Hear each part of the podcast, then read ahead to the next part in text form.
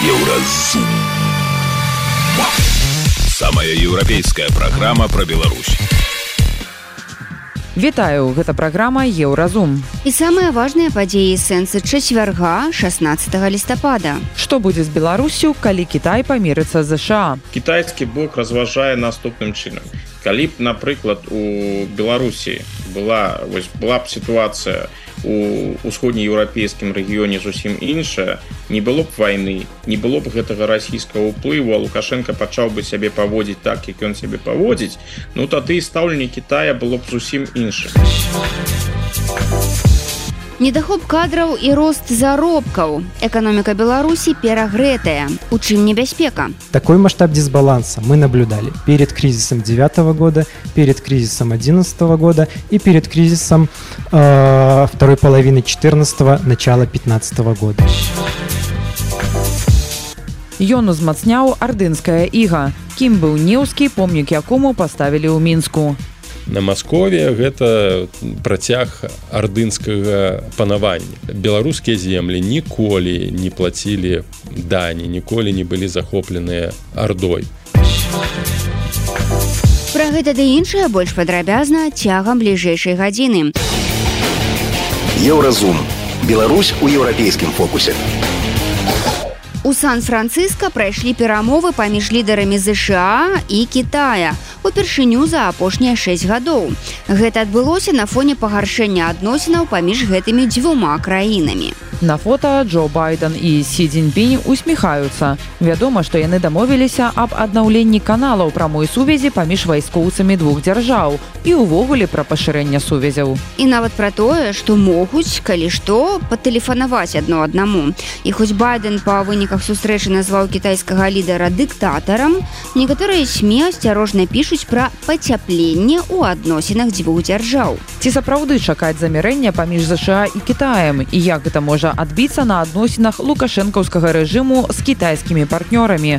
Што кажуць пра гэта ў Еўропе? Пра гэта наш рэдактар змейсер Лукашук пагутарыў з палітычным аглядальнікам і гісторыкам Александром Фрыдманам. Ну мы калі паглядзім на заходнюю прэсу, яна ўвогуле задаволена тым, што гэтая сустрэча адбылася. Ніякай такой сур'ёзнай канкрэтыкі пакуль няма.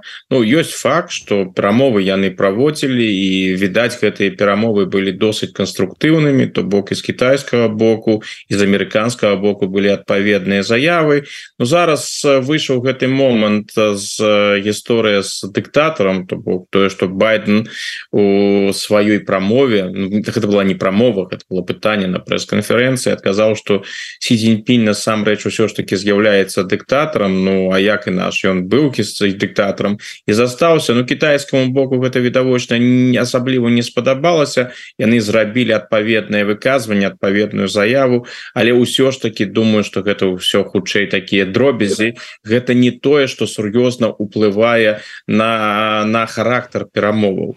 Выглядае так что яны былі досыць канструктыўныя і то і Вашингтон і Пекін разумеюць что шмат у чым ад іх залежыць будучыня гэтай планеты. Гэта две супердзяржавы якія будуць вырашаць лёс гэтай планеты бліжэйшым часам. Ну і сябрамі яны безумоўна не будуць.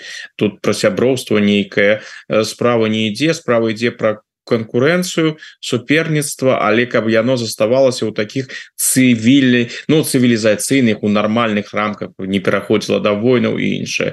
І выглядае так что ў гэтым накірунку пэўныя крокі былі зроблены то бок відаць выпрацаванай больш-менш правілы гульні і з боку Вашингтона і з і з боку Пекіна. Ну гэта такі агульны кантэкст нейкіх падрабязнасцяў пакуль няма. Так выглядае что галоўныя пытанні сучаснай э, сусветнай палітыкі і сітуацыю Ізраілі сітуацыю ва ўкраіне яны абмяркоўвалі але відавочна что ўсё ж таки гэтыя перамовы яны вяліся на такім больш глобальным узроўні. Не канкрэтныя падзеі а ўвогуле будучыня як будуць выбудоўвацца адносіны якім будзе суіснаванне злучаных штатаў і Китая гаспадар Александр некаторыя эксперты аглядальнікі кажуць про тое что ну маўляў надышоў час чарговага перадзелу свету і гэтая сустрэча лідараў Китая і ЗША менавіта ну у гэтым накірунку. Пачынаецца такі вось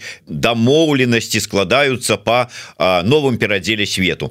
Ярослав романчук быў у нас сёння в эфиры і ён кажа іншае что пасля доўгага этапу эканамічнага росту акурат таки Китай чакае эканамічны спад. Может быть нават стагнацыя. І Китай разумеючы гэта і ЗША ведаючы гэта ну абралі вот такі момант каб вот вырашыць эканамічнае пытанне но а может быть Китай заручыцца нейкай эканамічнай падтрымкай ЗША ну там ці нейкай супрацай. А, а ЗША разумеючы вось гэтую сітуацыю эканамічную будучую Китая но нешта сабе выгандліваць ці там нейкая выцягнуць свае выгоды. На якім баку вы у гэтай вось ну в прынцыпе можа быть і не супярэчлівых таких але ўсё ж таки розных посылах мэты гэтай сустрэчы? Ну я хутчэй падзяляю сапраўды пазіцыю спадара романчука Таму что усе гэтыя разважанні пра зоны уплыву гэта шмат у чым гэта логіка 19 стагоддзя. Ну і логіка першай паловы 20 стагоддзя часткова другой паловы 20 стагоддзя. Сёння свет ён ужо глобальны гэта не тая сітуацыя калі тут можна сказать вось тут гэтыя краіны знаходзяцца у нашым э, у нашай зоне уплыва і вы тут не маеце нейкіх правоў умешвацца іншае А вось гэтыя краіны будуць будуць под нашим контролем. Гэта не логіка сучаснага палітычнага палітычнага жыцця на самой на самой справе. Так канешне такія асобы как Владимир Путин яны сваёй палітыкай імкнуцца нас вярнуць у 19 стагоддзя тое что ён фактычна Путин робіць гэта ўсё практыкі 19 ну часткова 20 стагоддзя. Але ўсё ж таки думаю пераважна 19 стагоддзя А сёння мы ў 21 стагоддзе живвем у глобальным свеце так что вярнуцца ў 19 стагоддзе з зонамі уплыву гэта хутчэй за ўсё не атрымаецца. І у злучаных штатаў і у Китая планы глобальныя гэта две дзяржавы якія мараць про тое что яны будуць у гэтым свеце дамінаваць. Злучаныя штаты яны ўжо адыгрываюць дамінантную ролю. У Китая ёсць адпаведныя амбіцыі. Калі мы паглядзім на афіцыйныя документы кітайскай народной Рэспублікі тое что вядома які у іх ёсць планы у іх перад вачыма стаіць 2049 год. Ось усё усё там круціцца вакол 2049 года. Гэта стагоддзя кітайскай народной Рэспублікі камуністычны рэжым жадае канешне сустрэць гэтае стагоддзе си Цзіньпін дакладна ведае што ён у 2049 годзе не будзе знаходзіцца ва ўладзе але ён хоча зараз пабудаваць падмурак каб Кітай до 2049 года конечно там могуць быць складаныя эканамічныя праблемы крызісы і іншае іншае тут мне цяжка разважаць я ўсё ж таки не не не эканаміст але Кітай хоча выйсці на до 2049 года на ўзровень галоўнай дзяржавы гэтай планеты. Китаю патрэбны час. Китаю не патрэбны зараз канфлікты войны і іншае. Ён хоча паступова і по магчымасці дынамічна развівацца каб вось далей так развівацца ему патрэбна размаўляць са злучанымі штатамі і фазу выпрацоўваю выпрацоўваць ну модус суіснавання злучаныя штаты у сваю чаргу канешне таксама маюць э, справу з сур'ёзнымі праблемамі і сур'ёзнымі выклікамі. Яны таксама не зацікаўлены ў дадатковых канфліктах іншае іншае іншае. Таму у такой сітуацыі трэба размаўляць але не забывацца про тое які праблематычны гэты у Китае жывем байден сказаў тое что ён павінен быў у гэтай сітуацыі сказаць. Ну гэта было б недарэчна калі б ён не назваў кітайскі рэжым дыктатарс дыктатарскім так гэта дыктатарскі рэжым але вельмі уплывовы рэжым які распаўсюджвае сваю палітычную свой палітычны ўплыў і з гэтым трэба лічыцца. З гэтым трэба не толькі лічыцца з гэтым трэба таксама і змагацца. І злучаныя штаты будуць змагацца.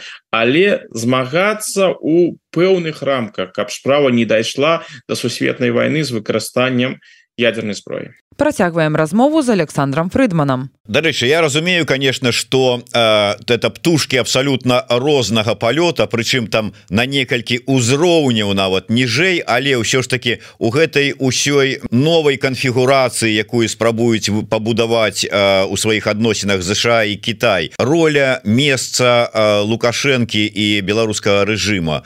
Э, нейкім чынам можна абазначыць? Вот ён выйграе проіграе ад гэтых магчымых э, паляпшэнняў адносінаў ЗША Китая ці не. Ну на фоне того что ён нібыта хоча Ну калі не адчапіцца от расійскага цягніка але вот так больш шчыльней прычапіцца до да китайскага Не сапраўды хоча менавіта гэта прычапіцца до да гэтага китайскага цягніка. Гэта мне падаецца вельмі такая такая трапная трапная метафора і лукашенко ён же таксама як Путін ён разважае у катэгорыях 19 і 20 стагоддзя яго гісторыя гэта гісторыя пра зоны ўплываў. І калі по напрыклад нешта такое адбылося і Беларусь была прызнана зонай уплыва Китая Ну гэта я думаю лукашенко вельмі уцешил я сказал Ну вось выдатна цяпер будем развівацца далей под под китайскім под китайскім кіраўніцтвам але ізноў жа я думаю что ніякіх дамоваў вось на гэты конт тэрытарыяльных там не было і і быць і быць не магло.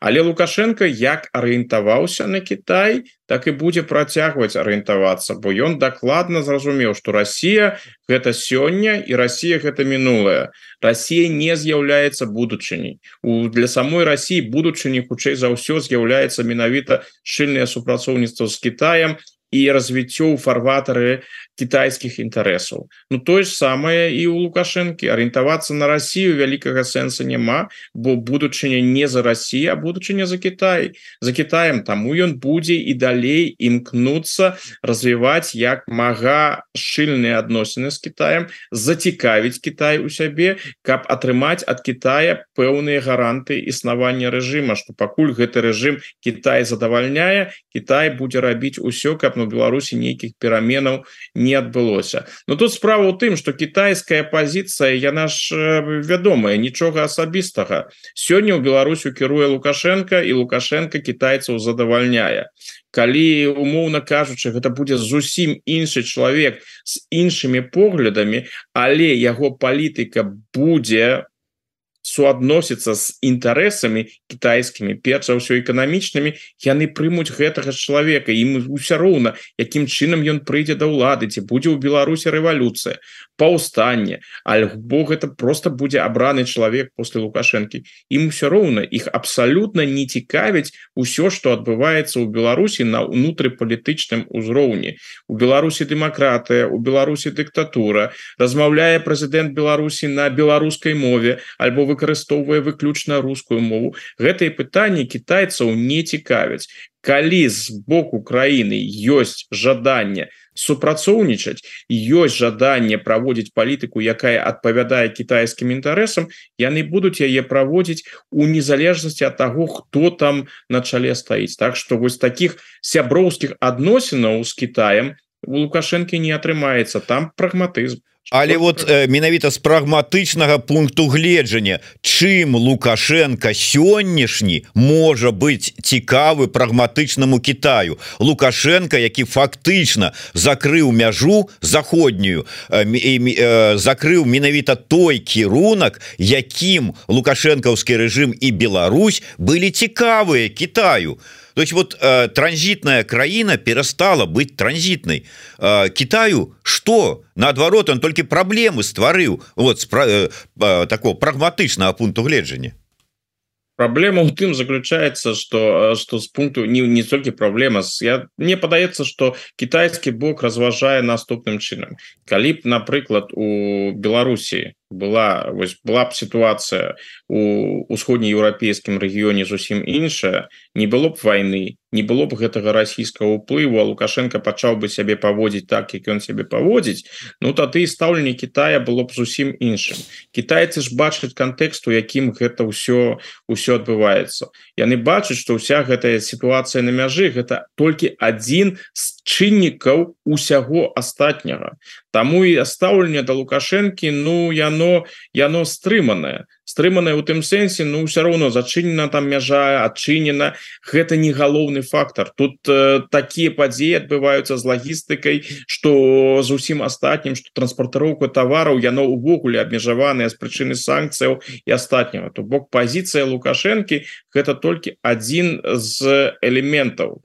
Іншая канешне справа калі мы сябе уявім что сітуацыя будзе паступова паляпшацца у Еўропе не ведаю якім чынам но калі мы просто сябе уявім что будзе такое нейкае паляпшэнне і ў гэты момант лукашенко будзе таким бар'ерам для китайскіх інтарэсаў Ну зразумела яны тады з ім супрацоўнічаць не будуць пакуль усё что адбываецца так для Китая гэта непрыемна але яны не ускладваюць на лукашенко вину за тое что адбылося. Для іх вінавата хутчэй за ўсё Российская Федерация а не лукашенко з яго асаблівасцямі. Так что пакуль китайцаў гэта задавальняе конечно гэта ўсё непрыемна але яны ведаюць что і лукашэнкі магчымасці там абмежаваны. І хутчэй за ўсё яны ціснуць на яго каб там новых канфліктаў на канфліктаў не было. Мы просто про гэта не ведаем про гэта ж не паведамляецца. Китайская дыпламатыя яна такая вельмі нефармальная. Я думаю что калі нешта не падабаецца яны да лукашэнкі гэта даводзяць.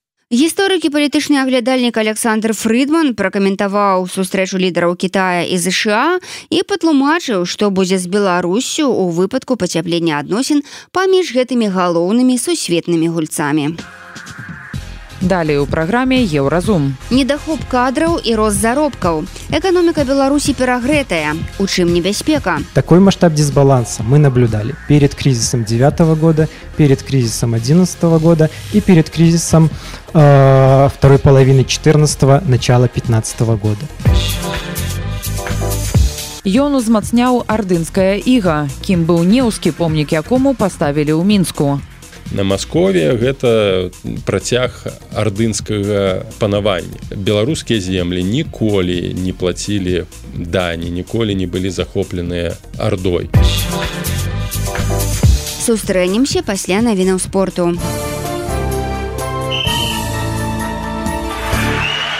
На еўрарадыё навіны спорту дысцыплінарны камітэт фіфа рашэннем сёлета а 31 кастрычніка дыскваліфікаваў футбольнага трэнера Анатолія юрэвіча на 5 гадоў. Аналагічныя рашэнні былі прынятыя на конт владимира нідергауса александра марчанкі дмітрия гомзы і арама абдальмаджыда. Гэта азначае што бліжэйшыя 5 гадоў яны не змогуць працаваць у футбольнай сферы не толькі ў беларусі але ў любой іншай краіне. Гаворка ідзе пра чэмпіянат краіны 2022 года які выйграў футбольны клуб шахцёр выявілася што ў чэмпіянаце былі дамоўныя матчы. Па вынік выніках расследавання шахцёр быў пазбаўлены залатога медаля а энергетык бДУ срэбранага. Таксама клубы былі аштрафаваныя і пазбаўлены ачкоў у цяперашнім чэмпіянаце. Дзясяткі гульцоў былі дыскваліфікаваныя пад суд трапіў толькі былы спартовы дырэктар футбольнага клуба шахцёр владимир нідергаус яго штрафавалі на 185 тысяч рублёў. Гэта мінімальнае пакаранне якое пагражала спартоваму менеджеру абвінавачанаму у подкупе удзельнікаў і арганізатараў спартыўных спаборніцтваў. у УЕФА дазволіў зборным на еўра 2024 падаваць заяўкі з 23 футбалістамі. На папярэдніх двух турнірах праз каранавірус заяўку павялічвалі да 26 футбалістаў. Так было на еўра 20 і чэмпіянаце свету 2022. Канчатковую заяўку на еўра 24 зборныя мусяць падаць да сёмага чэрвеня. Чэмпіянат Еўропы правядуць у Геррманіі. Ён працягнецца з 14 чэрвеня па 14 ліпеня. Беларусь ужо страціла матэматычныя шансы на выхад у еўра 2024. У мінску сем сілавікоў затрымалі 37гадовага фітнес-трэнера Александру Якуту за ўдзел у пратэстах. Якута працуе ў цэнтры адрэналін у малінаўцы. Таксама ён сертыфікаваны нутрыцыёлах. Мужчына ўдзельнічаў пратэстах у вобразе БЧБ шатландца і трапіў на фота. Сілавікі апублікавалі відэа, як затрымліваюць якуту на выхадзе з кватэры. Ён не супраціўляецца і яго суправаджае адзін няўзброены міліцыянт. Астатнія ў поўным абмоддзіраванні забеглі ў пустую кватэру. Гэта былі навіны спорту, заставайцеся на еўрарадыё.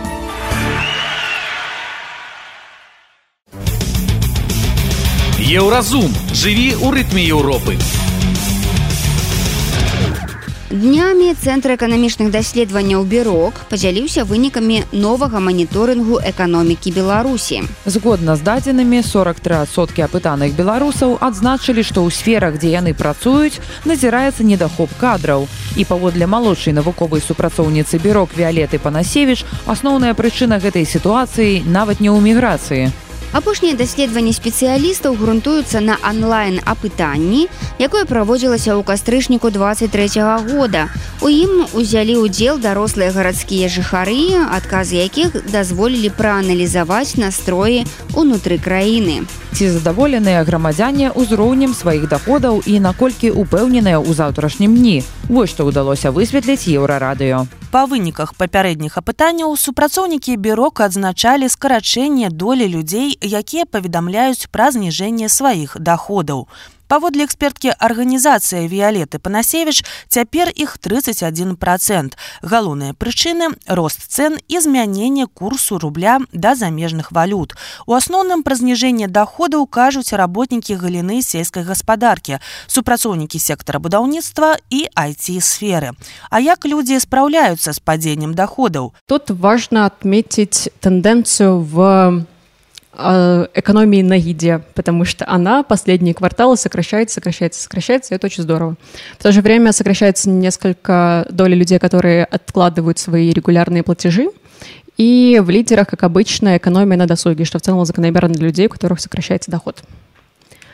Далее мы строим индекс потребительской уверенности, который базируется на пяти компонентах. Первые два об экономической ситуации в стране. И в этом аспекте мы не видим большой значительной динамики. А, Все еще хочется отметить большую, высокую долю неопределенности белорусских домохозяйств относительно перспектив и ожиданий от экономической ситуации в будущем. И несколько увеличилась доля респондентов, которые говорят, что экономическая ситуация не изменилась, и поэтому видим небольшой позитивный тренд. То же самое касается и материального положения семьи. Также несколько вырос уровень неопределенности, и э, все больше людей говорят о том, что материальное положение их семьи не изменилось. А вместе с этим белорусы все также оптимистичны относительно других факторов, других компонентов по поводу будущего положения, материального положения семьи. 25% считают, что оно улучшится в течение следующих 12 месяцев. Что касается крупных покупок, также динамика не так видна. А, только 12% считают, что сейчас благоприятное время для покупок, для крупных покупок. И схожие показатели по уровню — это отношение к оформлению кредитов. Только 15% считают, что сейчас действительно благоприятное время для оформления кредита. Кожны раз падчас сваіх даследаванняў спецыялісты бюрока задаюць рэспандэнтам пытанне пра звальненне і асцярогі адносна іх. У папярэдніх хвалях апытання Адзначалася пэўная дыспрапорцыя ў адказах. Невялікая колькасць беларусаў казала, што іх звольнілі і досыць высокая доля людзей паведамляла, што працу страціў хтосьці з іх знаёмых, што кажа пра пэўны ўзровень боязі. Гэтым разам апошніх стала менш. Чаму так адбылося, яшчэ трэба будзе разабрацца. Не секрет, что численность работников в Беларуси с годом становится все меньше и меньше. Среднесписочная численность работников э, не только из-за демографических признаков, а также в это же время растет э, номинальная заработная плата. Вместе с ней еще быстро, быстрее растет реальная заработная плата, даже выше инфляционно-нейтрального уровня. Если мы попытаемся декомпозировать номинальную заработную плату на категории по ее уровню, то окажется, что зарплата растет во всех категориях. Например, вот 152 тысячи человек получают зарплату на уровне 2000 белорусских рублей. И как мы видим, основная концентрация сфокусирована на уровне зарплат от 700 до 2000. Следующий кластер — это от 2000 до 3. А это данные за май 2023 года.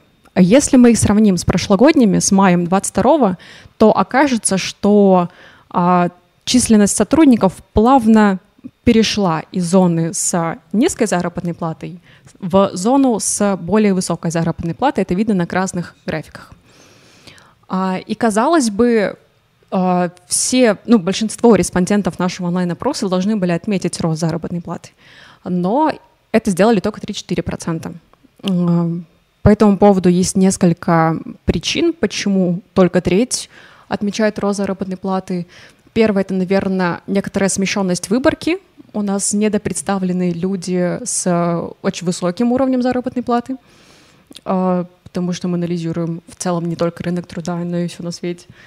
А также еще возможно, возможная гипотеза, это что в основном вот эти 3-4% респондентов — это люди с высоким уровнем дохода, изначально высоким уровнем дохода. А, и когда у них растет зарплата с закрытыми базовыми потребностями, они, возможно, лучше ощущают этот рост реальной заработной платы.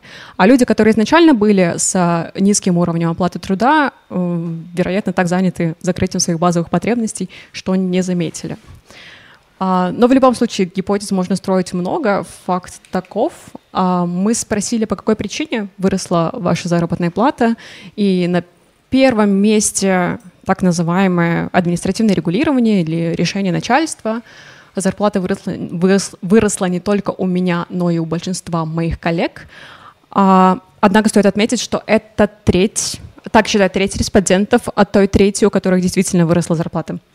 Э, так что на самом деле этот процент не так велик. Виолетта панасевич прызнаецца что не ўсе беларусы якія ўзялі ўдзел у апытанні згодныя з афіцыйнай статыстыкай адносна росту заробкаў у беларусі нашмат ахвотней яны разважаюць пра недахоп кадраў прычына якой не толькі ў грамадзянах якіх звольнілі або якія пакінулі краіну основная причина э, даже не в эмиграции и не в увольнении сотрудников а в том что работников не устраивают низкой зарплаты поэтому они не выбирают эту работу. Следующее по популярности — это большая нагрузка, хотя в то же время респонденты отмечают, что они не перерабатывают в последнее время, из-за этого не вырастает их зарплата. А дальше идет диковинное отношение, не хватает людей с нужным отношением к работе, что бы это ни значило. И следующий по приоритету — это проблема с квалификацией людей. Эмиграция, что многие работники уезжают за границу, выбрала только 23% респондентов, а увольнение людей а, только 18 паводле слоў спецыяліста бюро анатоля харытончыка беларуская эканоміка знаходзіцца ў стане перагрэву а імклівы рост заробкаў паказвае не на паляпшэнне сітуацыі а на дэфіцыт работнікаў У сілу абмежаваных магчымасцяў вытворцаў тавараў і паслуг у падладцы пад узмоцнены попыт фармуецца тэндэнцыя да павышэння выдаткаў вытворчасці і адпускных цен. В условиях, когда экономика уже перегрета и пространство для восстановительного роста исчерпано, дополнительное стимулирование э, приведет к тому, что разрыв выпуска то есть перегрев экономики к концу следующего года может расшириться примерно к 5%. И такой масштаб дисбаланса мы наблюдали перед кризисом 2009 года, перед кризисом 2011 года и перед кризисом э, второй половины 2014 начала 2015 года. То есть да, избыточное стимулирование может в будущем году создать некую иллюзию роста благосостояния, и действительно доходы и потребление может вырасти. Однако девальвационные и инфляционные последствия этого не просто, в общем-то, съедят все эти завоевания, но и приведут к падению благосостояния граждан. А, именно поэтому я считаю, что для белорусской экономики наиболее благоприятным сценарием в будущем году является мягкая рецессия, то есть рост ниже потенциала, около в диапазоне 0,1%. Если такая мягкая рецессия будет сопряжена с постепенной нормализацией внутренней экономической политики, то есть выходом э, монетарной политики к нейтральному э, характеру для экономической активности. Именно мягкая рецессия может позволить вернуть экономику на траекторию сбалансированного роста с наименьшими потерями выйти из накопленных дисбалансов. Информационная служба Еврорадио. Далей у праграме еўразум. Ён узмацняў ардынская іга. Кім быў неўскі помнік якому паставілі ў мінску. На Маскове гэта працяг ардынскага панавання. Беларускія землі ніколі не плацілі дані, ніколі не былі захопленыя ардой. Сустрэнемся пасля музычнай паўзы і навінаў шоу-бізу. Шоу-біз.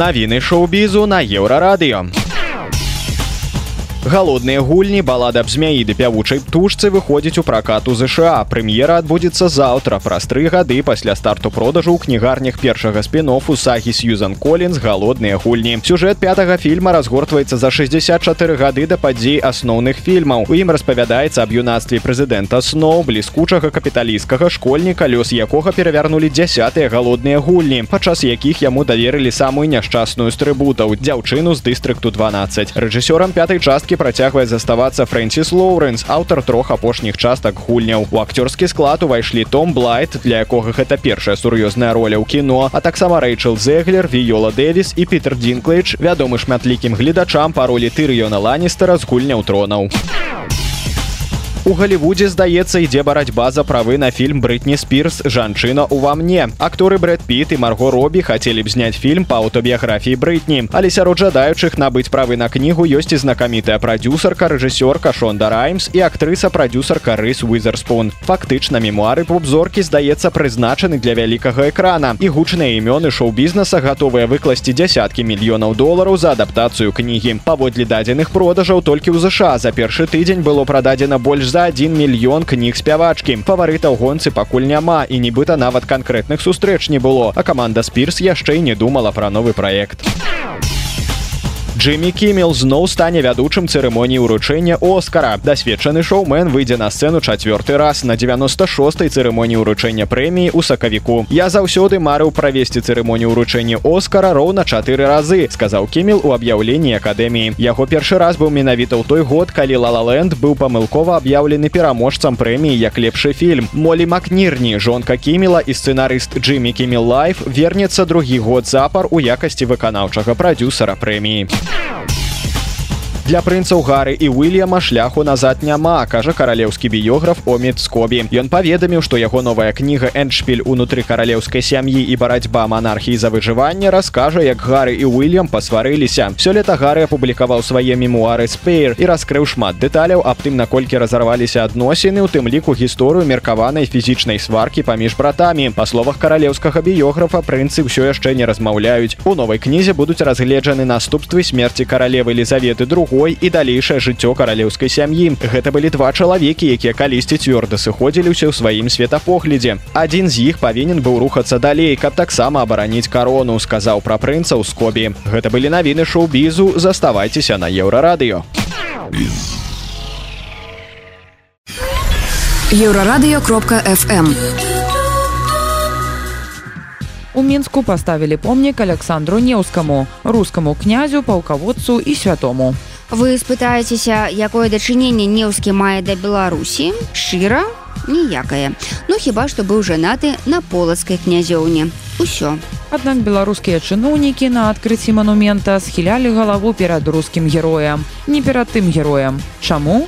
тлумачым у нашым рэпартажы. У мінску з вялізнай помпай адкрылі помнік Александру Неўскаму. Святому, якога руская праваслаўная царква лічыць нябесным заступнікам вайскоўцаў. Прапаганда назвала помнік фундаментальным сімвалам адзінства і сімвалам агульнай гістарычнай памяці. Чыноўнікі на адкрыцці манумента рабілі хто на што здольны. Нехта хрысціўся, нехта стараўся прадэманстраваць глыбокую пашану, а заўзяты абаронца гісторыі беларускай дзяржаўнасці дэпутат Ігар Марзалюк нават кінематаграфічна схіліў перад Александром Неўскім галаву. Навошта мінску гэты помнік і ці сапраўды асоба неўскага так моцна звязаная з беларусю. Еўрарадыё спытала пра гэта кандыдата гістарычных навук алеся пашкевіча. Ну, александр неўскі гэта вядомы э, э, новгородскі князь ён ён княжу у новгороде вялікім на тэрыторыі сучаснай рассіі і ягоная э, чаму ён такі важны для расейцаў для іхнага нацыянальнага міфу так. Тым что ён э, быў з ягоным з ягоным іменем звязаныя вядомыя прамогі над над, над тэўтонскімі рыцарамі на бітва на, на няве і бітва на на чудскім возеры ну гэта такія вельмі важныя моманты калі там вось паўно паўночная гэта вось паўночна-рускія землі адбіваліся ад гэтага сама ад ад гэтай ад гэтай ад гэтай вось на навалы. Ну і про это вось бітву на чудскім возеры там дзе вось на на лёдзе разбілі гэтых рыцараў про это было складзена шмат таких гэтых расійскіх літаратурных твораў фільмы былі знятыя Александру Невскому приписывается эта знакомитая фраза, что кто до нас мячом придет, то от мяча и загине. Ну и тому, конечно, это такая мифологично важная постать для вот это вот для, для, для, для, для, для русской этой вот державности скажем так для русского милитаризму разам з тым александр неўскі быў даволі супярэчлівай асобай. Яго біяграфія складаецца не толькі з гераічных учынкаў. На іх звярнуў увагу палітолог павел усаў. Конечно схіляць галаву перад александром неўскім які узмацняў ардынская іга на землях расійскіх княстваў узгадаць тое як ён расправіўся з новгарадам які не, не быў заваяваны не плаціў ніякай дані ханам неўскі што зрабіў? Насабіраў гэтых татараў павёў іх да новгарада і змусіў нагародцаў плаціць даней вось гэтая спроба прывязаць Беларусь зараз робіцца да маскоўскасці бо на маскове гэта працяг ардынскага ардынскага панавання беларускія землі ніколі не плацілі дані ніколі не былі захопленыя ардой яны заўсёды былі таким цэнтрам сапраўднай рускай цывілізацыі выспачкай астраўком рэшткамі цывілізацыі кіеўскай русі сэрцам кіеўскай русі па сутнасці духоўным асяроддзям кіеўскай русі які які захаваў вольнасць свабоду заўсёды быў альтэрнатывай вось гэтаму маскоўска-ардынскаму панаванню. Ну добра Расія лічыць неўскага сваім героем і святым. Але прычым тут Беларусь? Аўтары ідэі паставіць помнік неўскаму ў мінску гэта расійская амбасада мінгарвы канкам і беларускі экзархат рускай праваслаўнай царквы. Яны знайшлі чым сябе апраўдаць князь александр неўскі быў жанаты з полацкай князёўнай ну а что тычацца беларусі то акрамя толькі вось этой дынастычных сувязяў што яго жонкай была дачка віцебска князя братыслава ніякіх там іншых не ягоных э, повязяў з нашай зямлёй не было ён там быў заняты скажем сваімі э, ну сваімі гэтымі справамі. Э, адбіваў адбіваў эту атаки атаки заходу ну и тому конечно сказать что ён заслуговывае нейкага ушанавання там як свой человек на нашей зямлі то гэта конечно вялікае перабольшанне потому что ну, все во все у тыя часы там эти шлюбы междынастычныя гэта была распаўсюджана з'ява что брали брали у жонки сабе ну, своего со своих там скажем так сабе падобных свае ну, адны адны адны адны монархі стараліся парадніцца з іншымі таму гэта калі з гэтай логікі сыходзіць то тады гэты помнікі можна ставіць там любым драм любых земляў по беларусі хто што хтосьці там узяў нашу князёўну Пра што ж калі адкінуць ідэалогію сапраўды гаворыць такое ушанаванне расійскага нацыянальнага героя у беларускай сталіцы. Алесь пашкевич мяркуе што гэта не выпадковы знак арыентацыі не на захад а на ўсход. Это конечно больш ведчыць пра тое што пра умацаванне пазіцыі ідэалагічных рассіі у беларусі пра тое што яна таким чынам пазначае тэрыторыю э, пра тое што гэтым падкрэсліваецца арыентацыя не на захад а на ўсход. З гэтым згодны і павел усаў. Трэба з памяці беларусаў нават з гэтых культурных генаў просто выцерці самую думку што мы ніколі не былі под мангольскім ігам мы заўсёды былі альтэрнатывай для для маскові заўсёды былі руска-літоўскай дзяржавай не расейска не маскоўскай бо заўсёды былі тым культурным сховішчам таго што збудавалі ўсходнія славяне на, на гэтых тэрыторыях. І вось гэта імкнуцца нават зараз зачысціць. Пры тым што беларусі самой варта было б умацаваць уласныя культурныя традыцыі а не звяртацца да спадчыны на якой настойваюць расіяне. Устанаваных у нас э, вельмі шмат гэтых э, дзеячаў тых самых князёў то ведаце конных можна ставіць там кого заўгодна гэтых вось і вялікіх літоўскіх князёў у нас далёкай не ўсе ушанаваныя хоць мы ведаем што ўсё ж такі кня помнік альгерду віцебску помнік едеміну у лідзе паспелі з'явіцца і стаять дагэтуль. Але ёсць таксама іншая князіна про той самы віталт князь якому няма у нас пакуль што таких вот помнікаў там касіюще помніку чаславу чарадзею якому э, коннага таксама няма э, ну і там ну і как розных там і іншых вайсковых гетманаў там э, вялікіх там гетман хаткевич які-нибудь там ці гетман ці ці ці радзей князі князь юрый радзівіў які там вядомыя як там літоўскі геркулес карацей у нас хапае сваіх гэтых герояў которых можна ушаноўваць і ставіць па розных гарадах па з імі звязаных і зусім не абавязкова вяртацца да гэта вось пантэону расійскага служба інфармацыі еўрарадыё еўрарадыё твоя улюбёная хваля Гэта была праграма Еўразум, штодзённы інфармацыйны падкаст еўрарадыё. Кожны дзень мы распавядаем пра галоўныя навіны Беларусі і свету. А сённяшні выпуск скончаны. Беражыце сябе. Пачуемся. Еўразум. Самая еўрапейская праграма пра Беларусь.